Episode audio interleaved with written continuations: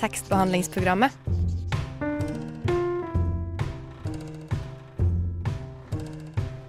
Tekstbehandling på radio.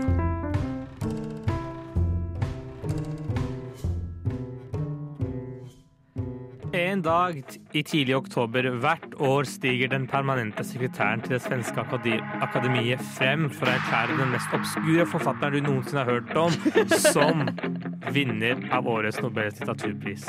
Forlag, oversettere, litteraturvitere rundt om i hele verden klør seg i hodet og jobber på spreng for å få kontakt med vinneren, som etter alt å dømme bor lever i den dypeste jungelen i Kongo eller i en grotte. Det finnes ikke et ord oversatt av vedkommende, selv om han har skrevet, hen har skrevet volum på volum siden tenårene. På TV og radio fomler kommentatorene eh, idet de forsøker å si noe meningsfylt og interessant om vinneren, selv om de ikke har noe som helst kunnskap.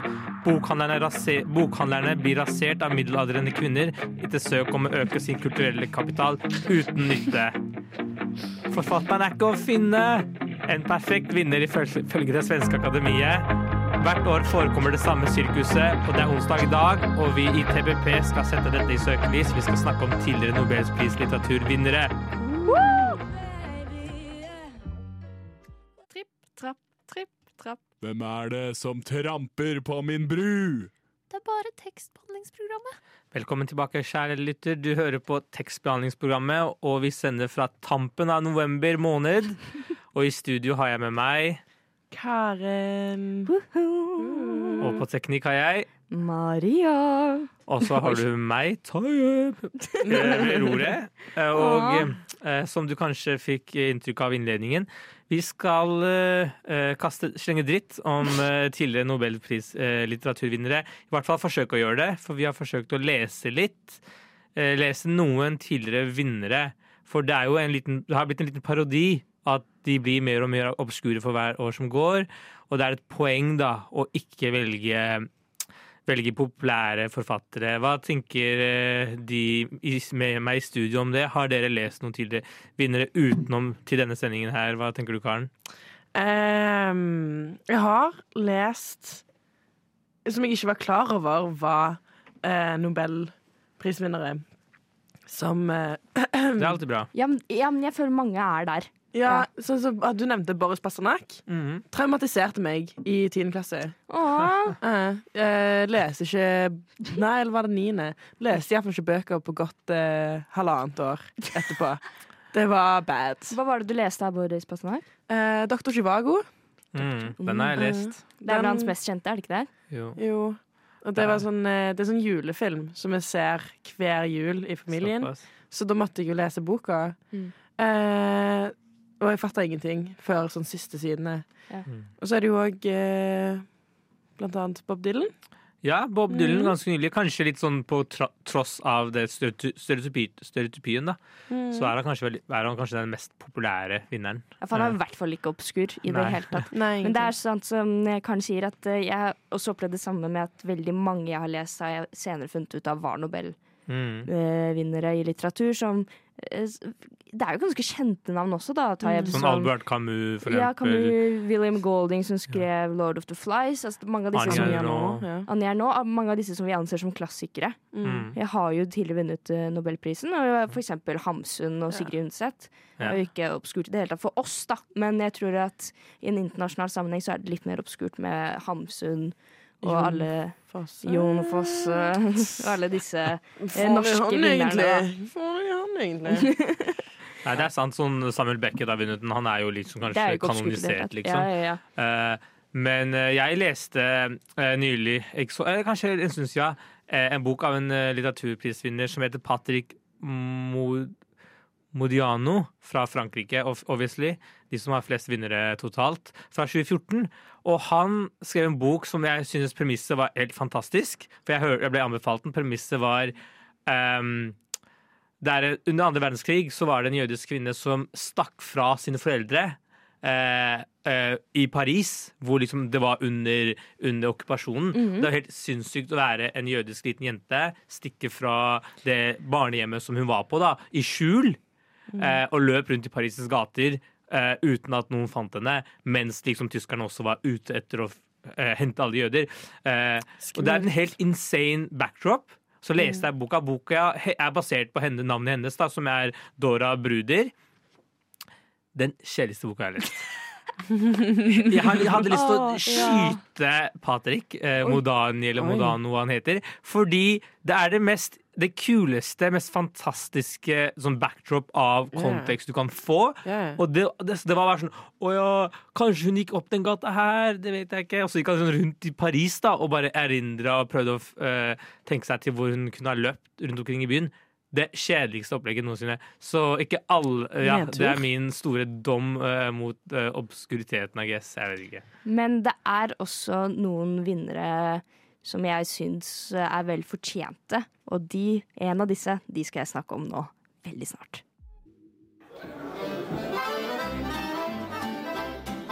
Hvis du går hjem med noen og de ikke har bøker, ikke knull dem. Hilsen tekstbehandlingsprogrammer. Så vi har litteraturprisen, Nobels litteraturpris i fokus i dag. Og Yeah. Vi har gjort det kunststykket og tatt opp noen tidligere vinnere for å se om det er noe av verdi å lese. Og- du, kjære Maria tekniker Kjære og tekstbehandler. eh, du er det. Ja. Eh, du er også reddeleder. Eh, alle titlene dine. Kino, kinomedarbeider. Du, Nei. du er også 21 år, du er også Alt det du er, alt det du rommer, med alt det du rommer, har du lest en litteraturprisvinner fra 2013. Ja, det har jeg. Fortell oss.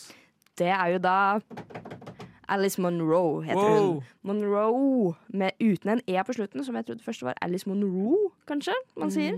Jeg vet ikke. Kanadisk, sånn som du sier vant i ja, hva var det, 20, 2013. 2013. Jeg leste henne for ca. et år siden eller to for første gang, for da hadde jeg henne på pensum når jeg gikk det studiet som eh, Karen går nå. Yes. Allmenn litteraturvitenskap. Da hadde Yes. vi eh, en av hennes tekster på pensum. Så bra. Yes! Yes. Eh, Alice Monroe er eh, novelleforfatter. Så hun skriver ganske eksklusivt noveller. Yeah. Så da hadde vi en av hennes noveller på pensum. Og jeg har også lest nå et par av hennes noveller fra kanskje hennes mest kjente novellesamling. Har jeg lest nå. Jeg har lest The View from Castle Rock. Skjønner. Yeah. Wow. Mm. Men uh, bare for å bryte inn litt. uh, Kjør på. Uh, noe, eh, litteraturkom eh, Nobels litteraturkomiteen, eller hva det heter, Akademiet De de som alltid- bestemmer. de som bestemmer liksom, folka på toppen, de har alltid en begrunnelse på hvem- hvorfor de velger vedkommende.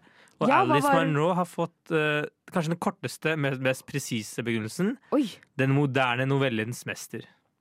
Yes. det var alt. Det var alt. Det er jo mange av disse nobelprisvinnerne som får sånne lange Ja, ja, så sånn ja. om dette, dette Og så får Alice Monroe bare en liten sånn usel setning. Det fikk kanskje mer enn det, men dette er litt sånn Kanskje vi skal koke det ned, da. Men det, det stemmer jo med det du sier, da. Hun har jo skrevet noveller og uh, har kanskje mestet mestret eh, det. da Hva er det hun skriver om? da?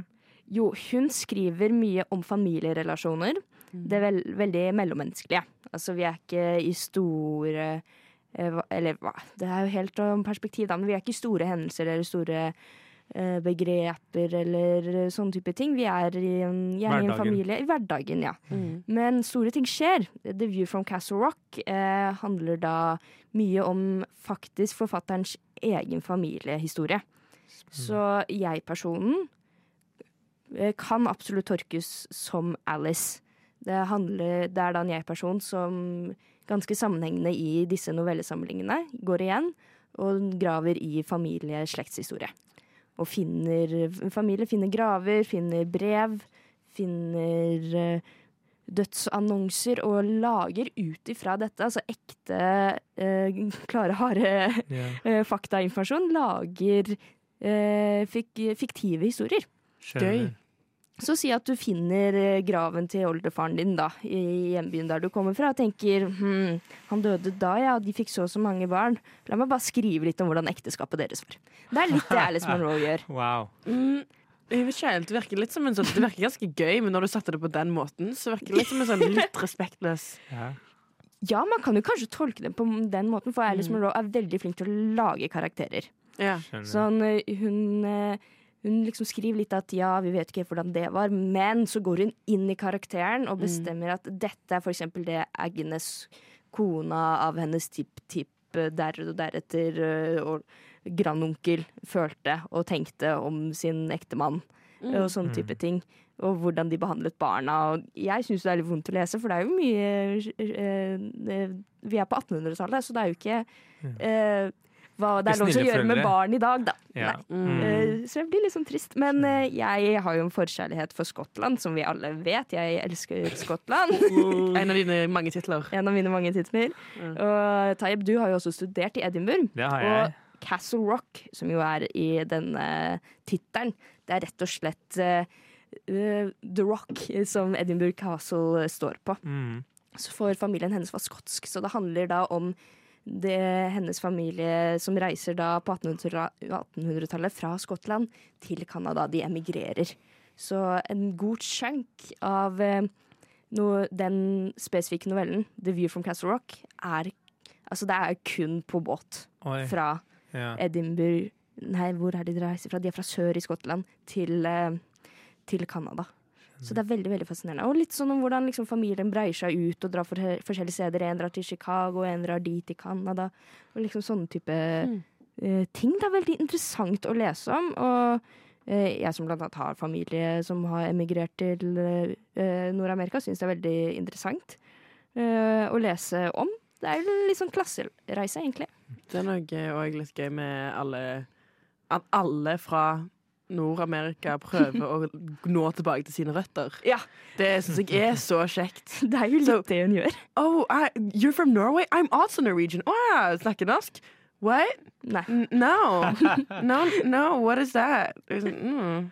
He's 2000 part Irish, actually. Det er, yeah. det er, det er sånn, bro, du har sånn aldri vært i Irland. Du har ikke noe med Irland å gjøre. Du har bare kledd deg ut uh, på St. Patrick's Day. yeah. Men uh, krever å være full irsk, sånn som du skulle vært vokst opp i uh, Londonderry, liksom. Eller de der, de der hva heter det, DNA-testene. Som Ja. TikTok-DNA-testene, sånn Mm. TikTok-DNA-testene.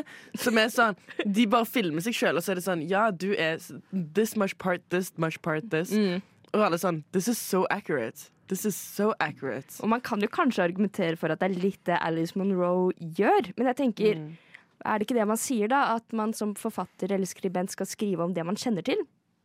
Så hun skriver rett og slett om sin egen familiehistorie. Siri, Jeg er din assistent. Ja. hører du på tekstbehandlingsprogrammet? Selvsagt. Gjør som Siri. Hør på tekstbehandlingsprogrammet.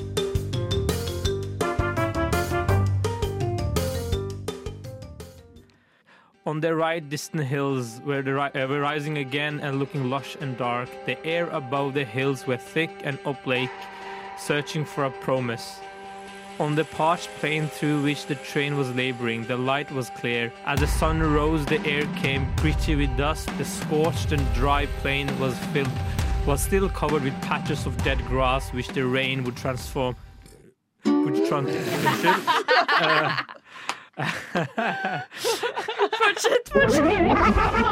The scorched and dry plain was still covered with patches of dead grass, grass which the uh, rains would transform into lush savanna, darkened by scattered outcrops of black rock.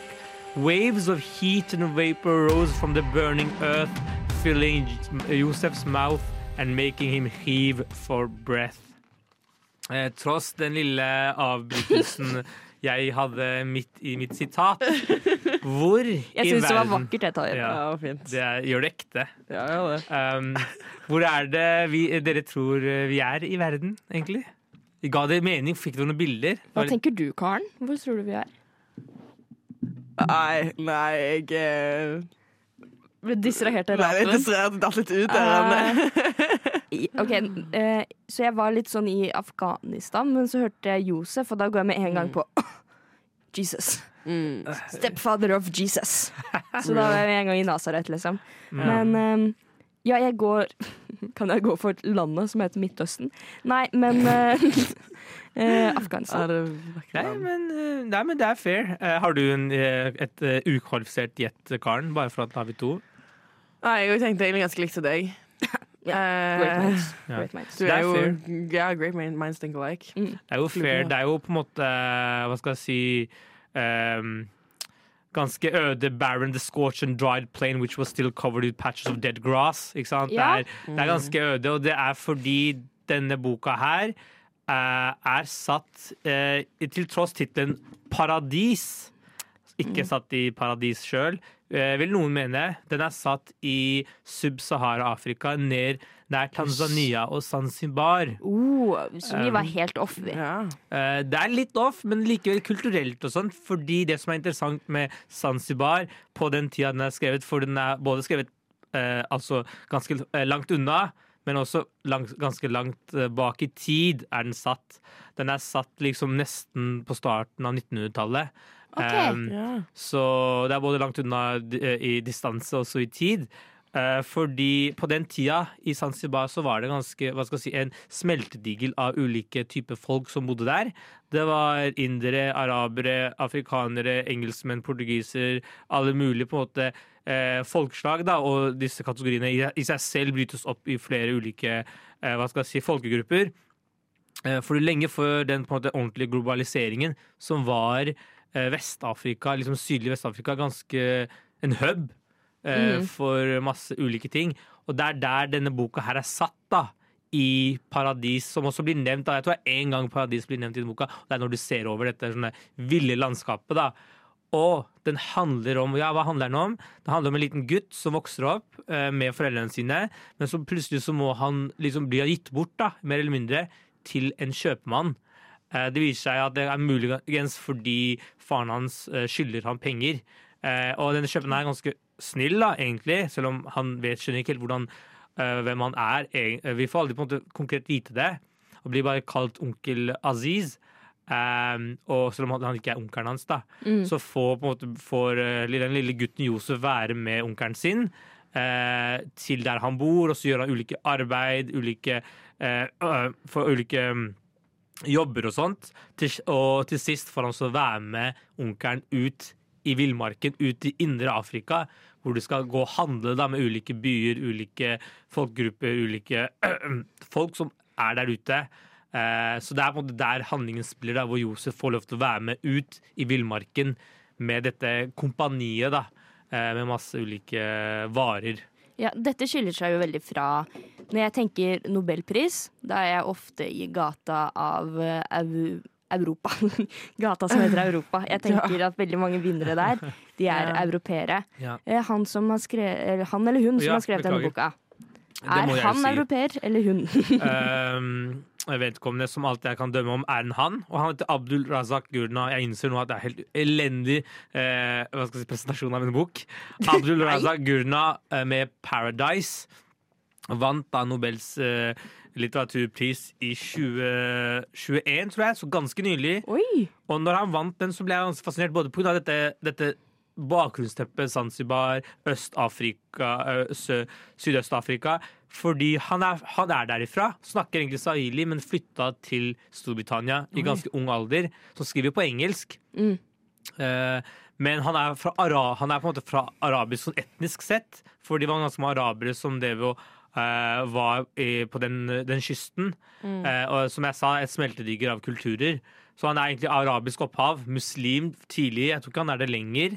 Og så flytta fra Zanzibar, fra det området, til Storbritannia og skriver på engelsk. Så det er ganske mange lag. Og han Mhm. skriver om denne det de kaller da, skal si, litteraturvitere, den postkoloniale litteraturen. da. Ja. Eh, men satt i den her, i hvert fall under kolonitida, og beskriver hvordan det var å vokse opp og være eh, en borger da, i denne tiden hvor man på en måte mm, ble rett og slett kolonisert av europeiske krefter. Ja, for det er der jeg føler veldig mye postkolonialistisk litteratur er. De går tilbake i tid og ser på hvordan var denne perioden. Mm. Fordi da er det mye mer åpent for å kunne si ting sånn som det helt ærlig var. Mm. Men jeg lurer på, hva var det som var Nobelkomiteen sin begrunnelse for at Abdul Razak Gulna vant denne prisen? Eh, Det kan jeg gi deg. For eh, kompromissløst å ha gjennomlyst å ha gjennomlyst koloni kolo- kolonialismens virkninger og flyktningens skjebner i kløft mellom kulturer og kontinenter med stor medfølelse. Hallo, mitt navn er Knut Nærum, og du hører på tekstbehandlingsprogrammet. Jeg går i hvert fall ut fra at du gjør det. Tayeb, Karen og meg, Maria, vi snakker i dag om tidligere nobelprisvinnere for grøss og gru om vi skal snakke om Jon Fosse. Vi tar for oss tidligere vinnere av denne gjøve, gjøve litteraturprisen. Og når jeg skulle finne meg litt eh, skribenter å lese, så tok jeg for, for Jeg ville få litt woke points. Litt grann credit. eh, Det er lov. Det er veldig lov. Jeg, ja, jeg tenkte nå skal jeg være Nå skal du gjøre din jobb. Nå skal jeg bidra til å gjøre samfunnet bedre. Viktig. Så jeg valgte meg da den første ikke-vestlige vinneren av nobelprisen. Og kastet meg i enda en utfordring med at jeg nå må si navnet hans på lufta. Skal vi se. Ruben Drunath Takur heter denne forfatteren. Han var hm? Det gikk fint, det. Takk. Mm, Takur. Takur. Eh, han var en dikter fra eh, India. Han var bengali og hindu. Han skrev også på bengali, men også litt på engelsk. Eh, han var altså da en dikter, og jeg prøvde å kaste meg inn i disse diktene. Jeg elsker dikt. Jeg elsker alt mulig form for dikt. eh, Dikt som jeg leser på trikken sammen med Karen. Oh, ja. eh, Eller Jan Erik Vold. Altså, jeg elsker alt mulig type dikt. Loved. Men der sleit jeg. For jeg tror rett og slett, uh, Karen og Tayeb, at jeg har opplevd lite kulturkrasj. Oi. For jeg klarer ikke helt å skjønne meg på diktene. Eller er det bare jeg som er litt Kan jeg spørre tid de er fra? OK, så Rabin Runat Takur, han levde fra 1800-tallet en plass, og tror jeg han døde på 1930-tallet. Ok. Mm. Så ja. Da er det jo sikkert litt det òg. Ja. Nå har jo ikke jeg lest dette her, men kulturkrasj innafor å si. Eh, men sikkert litt alderskrasj òg. ja, kanskje det, ja. Ja, for jeg syns ikke det er kjempeenkelt å lese gamle norske dikt heller. Ja, for hva, er, hva er det som skal stå i veien for at en jente fra Feltsund skal identifisere seg med en hindusk hindu eh, mann for over 100 år siden? Fra Calcutta. Ja. Det er ikke så mye som står i veien for det. Men hva er det du har valgt da å lese, da? Er det på engelsk? Er det, på, er det oversatt? Eh, Det er på bengali. Nei, eh, det er på engelsk. Det er på Mm. engelsk. Eh, igjen, jeg vet at han skrev noe på engelsk selv, men jeg vet ikke om de diktene jeg har lest. Jeg har da en Penguins Classics, Selected Poems, Yes. The Basic Yes. Stuff. Jeg vet ikke om dette er hans direkte ord, eller om det er en oversatt versjon av hans verk på bengalsk. Mm. Og det er det som er litt krevende, at jeg er litt sånn Er dette For når du skal oversette fra et språk som er så annerledes Mm. uh, til et nytt, er det egentlig det samme da? Liksom, kan man fremdeles si at det er hans verk og hans ord, når det oversettes fra et språk til et annet som er så forskjellig fra hverandre? Det, det er det jeg òg strever med. Fordi nå, altså, Midt oppi eksamen så driver jeg litt med sånn Sapfo-lesning og sånt. Jeg, Ja. det, det er drøyt. Det er sånn forskjellige dikt uh, bare på grunn av oversetningene. Så jeg kan se for meg at det er ganske At det har ganske mye å si, liksom. At det og liksom kan Jeg lurer på hvis han hadde liksom Hvis han leser det på engelsk, om han hadde skjønt seg sjøl igjen, typ. Ja, det er litt det jeg lurer på. Eh, Han skriver eh, Jeg har en litt sånn kronologisk oversikt over diktene. Og han skriver på starten av sin karriere veldig mye basert på hin, eh, hindu eh, mytologi. Guder, hva som skjer i hjerne. Og jeg kan tenke meg at dette er veldig mye sånn allerede eksisterende informasjon for de som tilhører denne kulturen. Sånn litt sånn som det kanskje vil være for oss å lese en diktversjon av eh, kanskje noe vikingsagaer eller den type Mm. Mm. eh, kategori. Så er det ting som er helt helt ukjent for meg, og jeg aner Ja. ikke hvem disse personene eller gudene er. Men hvis du kunne, hvis du kunne uh, uh, summarize korte deg, korte deg uh, fa, fa, nei, Fatte deg i korthet, heter det. Fatte meg i korthet. Det kan jeg, vet du. Eh, om om én ting. Hva er, hva er det du har fått noe eh, Noe eh, ut fra den lesningen? Om det er eh, en verselinje Hva handler det om? For nå føler jeg jeg kan ingenting. Okay. Eh, er vi i samme båt? Kan du heller ingenting, eller har du lært noe? Jeg har lært noe, og det jeg vil si er at takor er eh, en ekstremt viktig indisk poet som skrev mye om menneskelig begjær, kjærlighet. Han Skriver om kastesystemer, for i senere tid så går han litt fra det, eh, hinduismen. Ikke nødvendigvis at han slutter å være hindu, men i diktningen sin. Ja. Og går inn i kjærlighet, dette her med å elske noen som kanskje tilhører en annen kaste. Litt menneskelig. Det menneskelige. Så han er en veldig universell forfatter, og jeg kan veldig godt forstå at han vant Nobelprisen. Tekstbehandlingsprogrammet. Når du vil lese med øra.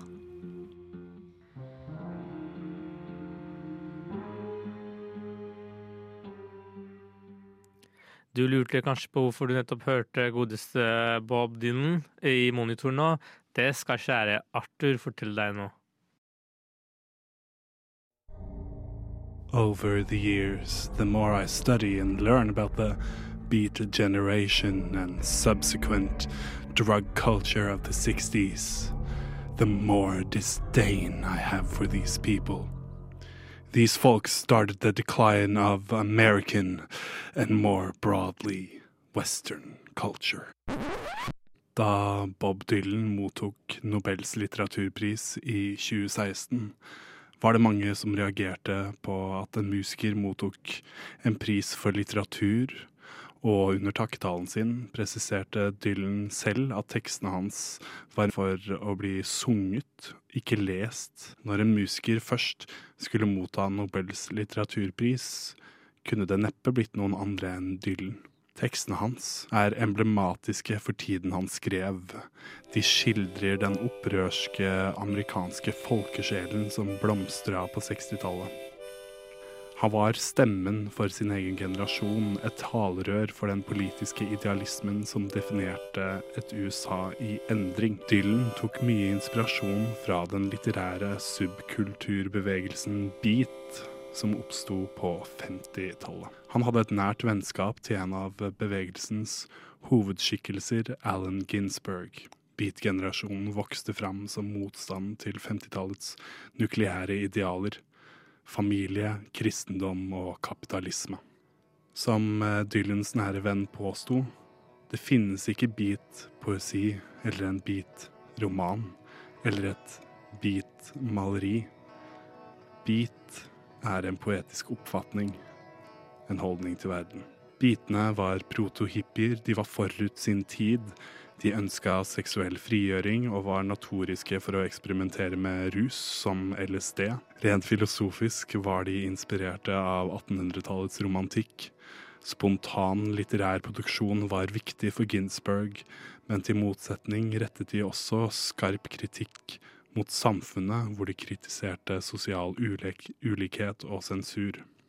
Her er altså et utdrag fra Allen Ginsberg sitt dikt America. America. I've given you all, and now I am nothing. America, two dollars and twenty-seven cents, January seventeenth, nineteen fifty-six. I can't stand my own mind. America, when will we end the human war? Go fuck yourself with your atom bomb.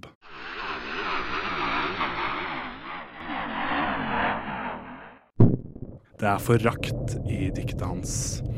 En lignende, nesten likegyldig forakt ble essensiell for Dylan i hans egen lyrikk.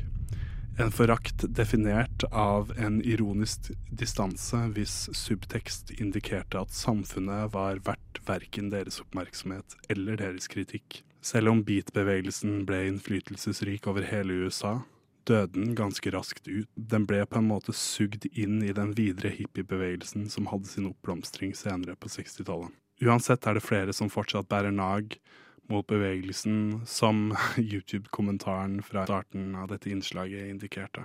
Å bli karakterisert som å være begynnelsen på undergangen av den vestlige kulturen hadde neppe Allen Ginsberg tatt som noe annet enn et kompliment. Innsyn i beat-bevegelsen sier noe om hvorfor akkurat Dylan mottok Nobels litteraturpris.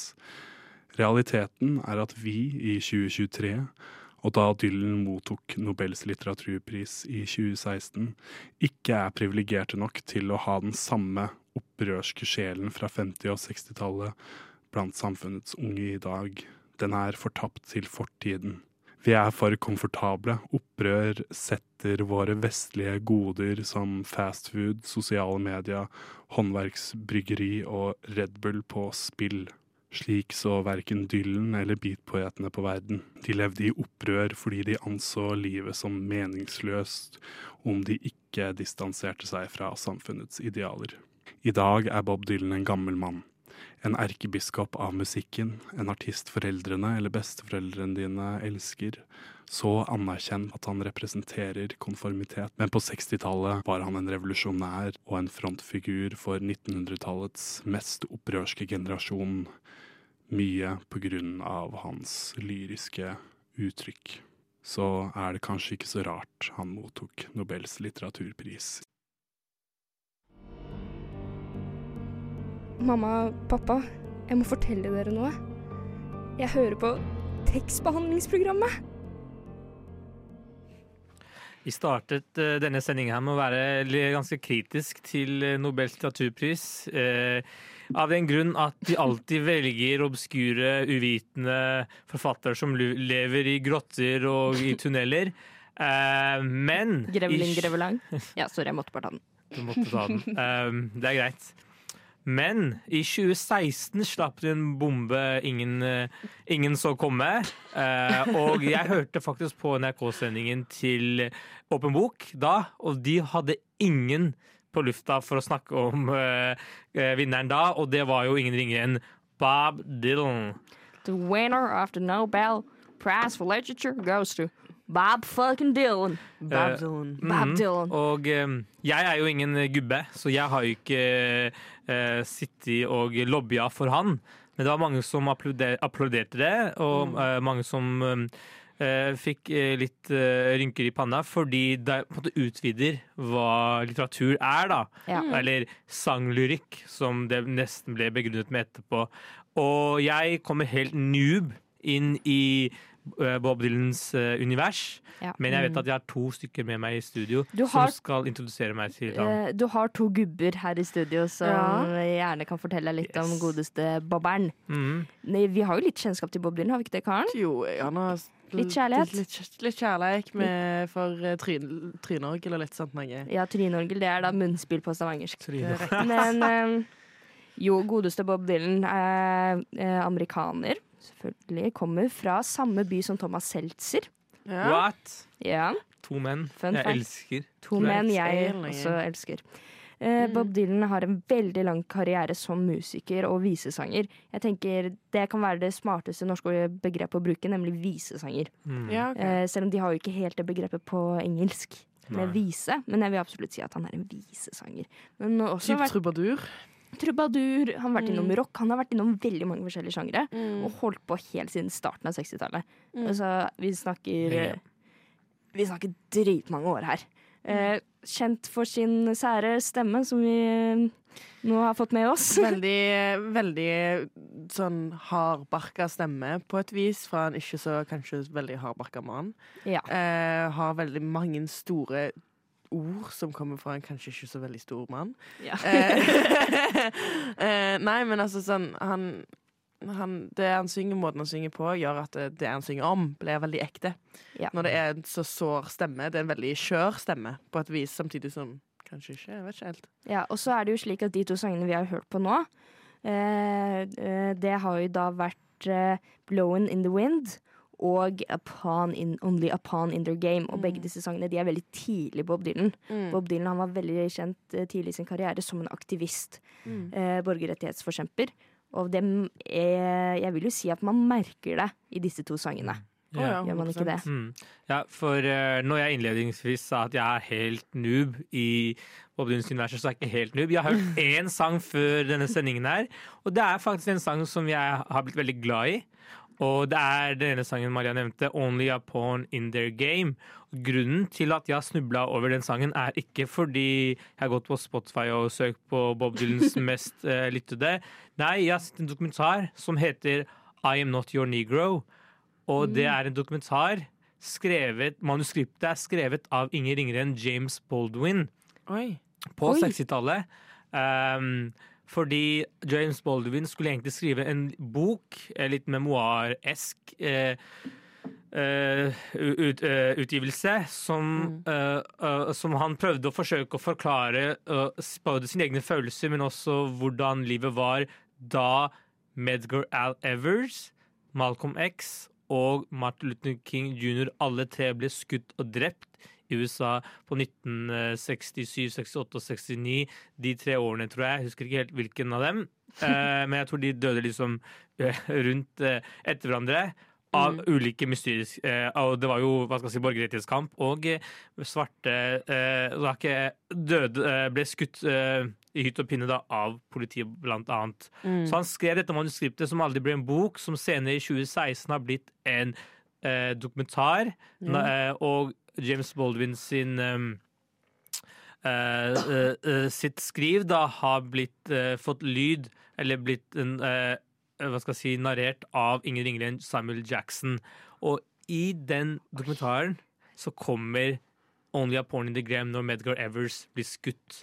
Og det er en, en så syk, fantastisk eh, eh, tekst i seg Mm. selv, uten, eh, uten musikken til og med, som jeg syns er helt fantastisk, og som jeg egentlig ikke har lyst til å lese opp, fordi den er den Burde, burde man bare lese selv. Jeg føler jeg vil forkludre, i hvert fall rapet mitt under eh, opplesningen. Så jeg skal holde meg så for god for det. Men- uh, men ja. Var det ikke du òg som sa noe om at uh, hun som på en måte nominerte han, leste han istedenfor å høre Ja, på han? Ja, så lederen for eh, Nobels, eh, Nobelkomiteen i Sverige, eller hva det heter, det svenske akademiet, Mm. i Sverige, når hun ble spurt, da tidligere leder, da, um, uh, om hva, hvorfor, eller hvordan de hadde på en måte fordøyd, fordøyd teksten hans, Mm. uh, om det er noe musikk, så sa hun nei, jeg satt på stranda og leste tekst etter tekst. Så de har på en måte virkelig skilt da musikken fra lyrikken her, da. Mm. Eh, og eh, hvis man skal ta ordet på dem, så har de gjort det. Men det som også er interessant, er at når den ble, eh, når den ble lansert i 2016, så, tok, så brukte Nobelkomiteen en ekstra uke før de utsatte uh, announcement med en uke. Oi. Så det var tydelig at det var litt uenigheter inni der. At de var ikke Mm. helt sånn om bord. Det var litt spesielt. Eh, eh, og um, jeg synes det er en, var en fin måte å hylle en tradisjon, men samtidig på en måte vise at man ikke bare er gubbenes på en, måte, på en måte jo, gubbenes pris, men en annen type gubber da, uh, som blir hedra uh, her. Mm. Jeg tror at eh, eh, Jeg syns det var veldig fint at eh, han fikk den prisen. Sånn, først når jeg hørte Bob Dylan fått så var jeg sånn uh, La nå forfattere være forfattere og musikere være musikere. Men så leste jeg disse tekstene hans, og det er jo det er jo faktisk poesi. Det er jo vakkert å høre på og lese. Og istedenfor Altså, jeg er jo ikke stor fan av Tryner og Kill. Eh, som vi har snakket om tidligere, oss, iblant. Altså, det er noe med det, men det å faktisk lese Bob Dylan sine tekster, men òg stemmen hans, fantastisk. Ja. Fantastisk. Det er, du, altså, det er eh, Du kan kjenne på følelsene i tekstene på en måte som en ikke på en måte kan gjøre på veldig mange tekster, og generelt sett i dikt og poesi. Jeg syns det var veldig fint. Synes det var veldig, veldig fint. Veldig, veldig vakkert. Og jeg kan også si avslutningsvis at hvis man vil ha en sånn skikkelig sånn OK, men hva er det som gjør Bob Dylan så vakkert? Så absolutt les eh, tekstene til disse to sangene vi nå har spilt, men også Mm. les eh, teksten til 'Hurricane', som er en åtte minutter lang sang. Ja. Som bare er så heftig og rå, og handler da også om litt i samme gate som Taib var nå, om denne dokumentaren, nemlig, politi, nemlig vold rettet mot afroamerikanere. Mm. You have bewitched me, body and soul, and I love, I love, I love. Tekstbehandlingsprogrammet på Radio Nova. Oi, oi, oi. Nå er vi nesten på tampen av både måned november og også denne sendingen her. Oi, oi, oi! Oi, oi, oi. Har dere, dere i eh, studio fått mer lyst til å lese med litteraturvinnere? Eller mindre lyst? Jeg føler liksom ikke at nødvendigvis at det at man har vunnet en pris, er et kvalitetsstempel. Så jeg tror jeg befinner meg ganske likt. Men jeg skal lese ferdig mye av Alice Monroe sin bibliografi. Det skal jeg. Ble litt inspirert av eh, Alice Monroe, blant annet. Mm. Eh, Hun er verdt å lese, altså. ja. Mm. Og den eh, som du nevnte som var gørrkjedelig, så kan jeg drømme litt i det som kanskje Nora Druder? Ja. Ikke les den. Eller du kan lese den, og så kan vi sammenligne. Det er alltid gøy, da. Mm. Eh, men du er advart. Det var bare så fint konsept. Mm. Det er jo det er jo kjempebra historie. Kanskje jeg skal skrive den samme boka, bare gjøre den bedre. Det det. Uh, that's what I'm gonna do. Men jeg har også lyst til å stille et annet spørsmål før vi runder av. Og det er om dere kunne velge en uh, avdød, avgått, en, noen som har kasta håndkle. En død forfatter. En utgått forfatter. En utgått forfatter ute på dato. Uh, som dere kunne gi Nobels litteraturpris til. Hvem hadde dere gitt den til? Oi. Eh, jeg vil eh, Jeg syns at Sylvia Plath kunne fått den fordi hun hadde trengt den. Jeg tror hun hadde holdt ut litt lenger, kanskje. Hvis eh, hun hadde fått litt bekreftelse her i livet. Um, ja, enig. det er- var litt sånn dyster uh, kommentar fra meg. Men har du noen litt mer muntre? Eh, det er jo de klassikerne, da. Mange av de. Typ sånn Ja, hvilken? Ikke nødvendigvis Shakespeare og Sapfo, men uh, Vesås. Vesås tror jeg ville tatt en liten En liten norsk en En liten, en liten, ja, jeg syns det. Eh, og altså, han skriver jo på en måte som er Jeg elsker den mannen der. Fantastisk fyr. Fuglene. Fuglene. Men siden du spør, Tayeb, har du noen i tankene? Du har sikkert en lang, lang liste. Jeg har lyst til å si Anne Frank. Unnskyld. Ja, men det er jo noe, Det er noe. som faktisk Det er kunne noe. skjedd. Det er noe. Postmortem, det er en postmortum Um, som kunne hendt.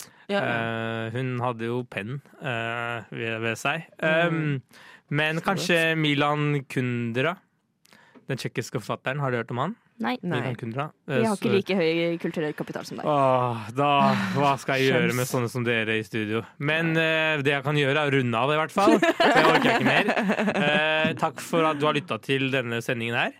Og hvis Eh, man har lyst til å høre på den igjen, så kan man også gjøre det. Mm. På Spotify, eller hvor enn du liker å høre på podkaster. Google. Men det, er, men det er best å høre på oss eh, live. Det er best alltid live. 10 til 11 onsdager. Absolutely. På Radio Nova. Snakkes.